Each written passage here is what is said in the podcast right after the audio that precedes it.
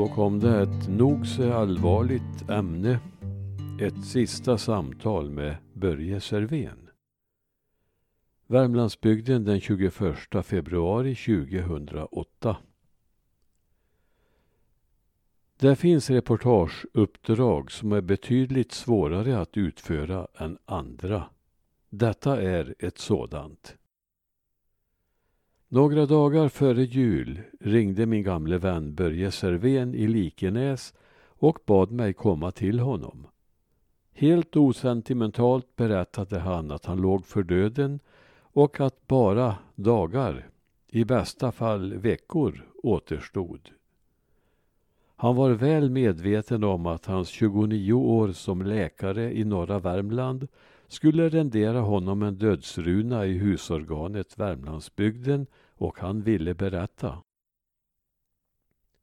Vi har tidigare haft många samtal och mycket finns dokumenterat men givetvis åkte jag till Krokbacken på besök. Börje var just hemkommen från en vistelse på sjukhuset i Torsby och skulle få tillbringa den sista tiden hemma i familjens hägn. Blicken var pigg och vaken som i gamla dagar men syrgasslangarna i näsan och den lite ansträngda andningen och hostan berättade annat. Det är obotlig lungcancer, förklarade han. Som gammal läkare försökte jag kurera mig själv men det var allvarligare än jag trodde. Men titta här. Han slog ut med handen och visade den begränsade utsikten från sjuksängen i vardagsrummet. Ett jättefönster med en julgran som lyste upp mörkret utanför. Han såg nästan lycklig ut. På dagarna är det fullt med fåglar och en dag kom en ekorre dit. Så följde ett tre timmar långt samtal med Börje, hans hustru och sonen Erik. Givetvis med Börjes minnen i centrum. Det blev en trevlig och minnesvärd afton och tankarna på döden var avlägsna. Men när vi tog farväl var vi båda medvetna om att det var sista gången. Den 16 februari avled den gamle läkaren, 83 år gammal. Det var år 1958 som Börje Servén kom som ung provinsialläkare till Finnskoga provinsialläkardistrikt med placering i Långav, där sjukstugan låg. Han blev till och med tillsatt med kungligt brev undertecknat av Gustav VI Adolf och där stationeringsorten var klart angiven. Jag kunde alltså ha suttit kvar på min stationeringsort i Långav när sjukstugan flyttades till Likenäs 1965, men så blev det naturligtvis inte, säger han. Börje följde med och blev kvar i jobbet fram till pensioneringen 1987. De första åren var ofattbart arbetsbelastade med omkring 25 patienter dagligen på mottagningen. När denna stängdes i kvällningen gav sig doktorn ofta ut på hembesök och det var resor som kunde ta halva natten. Och vägnätet var inte utbyggt som idag. Många gånger fick man gå i djup snö eller åka skidor långa sträckor till folk som bodde avsides. Dessutom var det jourtjänst också på helgerna de första åren.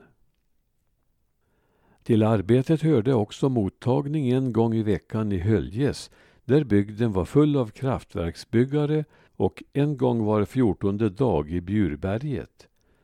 Så skulle han gå rond på vårdhemmen i Höljes och Bograngen en gång i månaden. Det var ju Finnskogarnas provinsialläkare han var.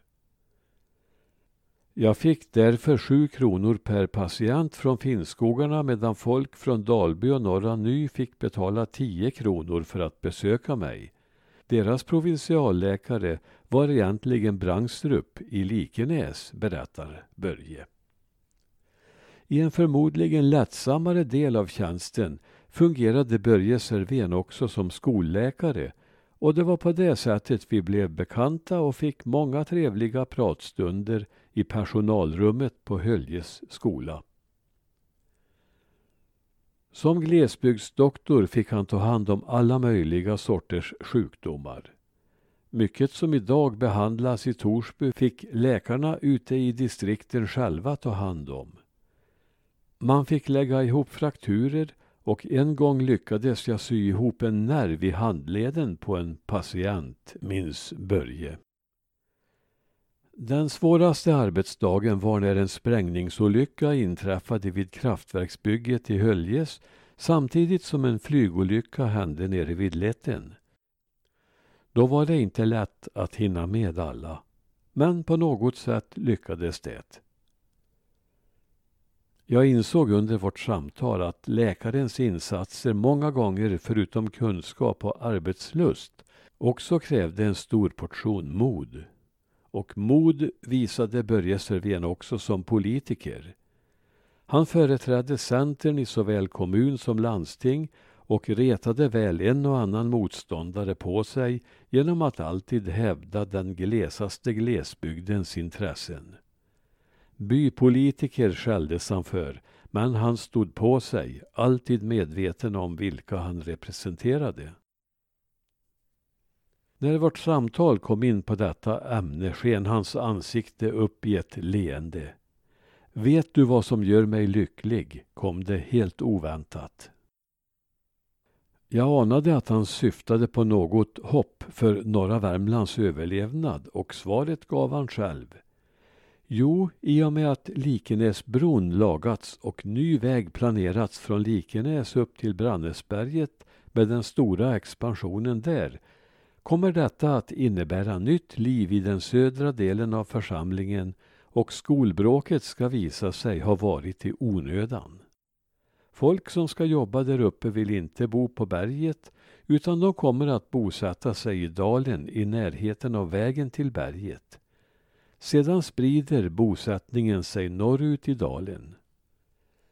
Jag förklarade att jag kanske inte var fullt så optimistisk men hos den gamle centerpolitikern fanns ingen tvekan. Det kommer att bli så. Vi är många som hoppas att han får rätt i detta. Så kom vårt samtal in på den stora hobbyn, de många resorna runt världen. Här fanns mycket att berätta och hans engagerande berättarkonst fick oss att glömma stundens allvar. Jag fick en inblick i en ny sida hos den timide och lågmälde läkare vi vant oss att se i norra Värmland. En äventyrslust som inte märktes i hans vardagsliv drev honom så fort tillfälle fanns ut i världen till främmande länder och kulturer. Det var aldrig fråga om vanliga turistresor utan Börje levde med de olika folken på deras villkor för att kunna förstå deras förhållanden. För att komma utan förutfattade meningar lät han dessutom bli att läsa på om länderna i förväg. Han klädde sig sjabbigt för att minska risken att bli rånad. Det blev han ändå ett par gånger. Och så gömde han pengar och värdehandlingar i specialsydda byxfickor. Det hände att han blev utsatt för livsfara. Hans patienter från Finnskogarna skulle ha förvånats om de hade sett sin husläkare. Men för att resa som jag har gjort måste man ha läkarkunskaper, medgav han. Det kunde bli långa resor då han samlat på sig komptid i arbetet. Till exempel tillbringade han två halvårsperioder i Indonesien, varav den ena efter pensioneringen.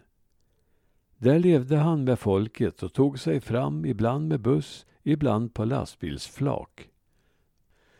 Jag var hos ett underbart folk, Toraja-folket i Indonesien. Jag blev inbjuden till en begravning och det var en fascinerande tillställning.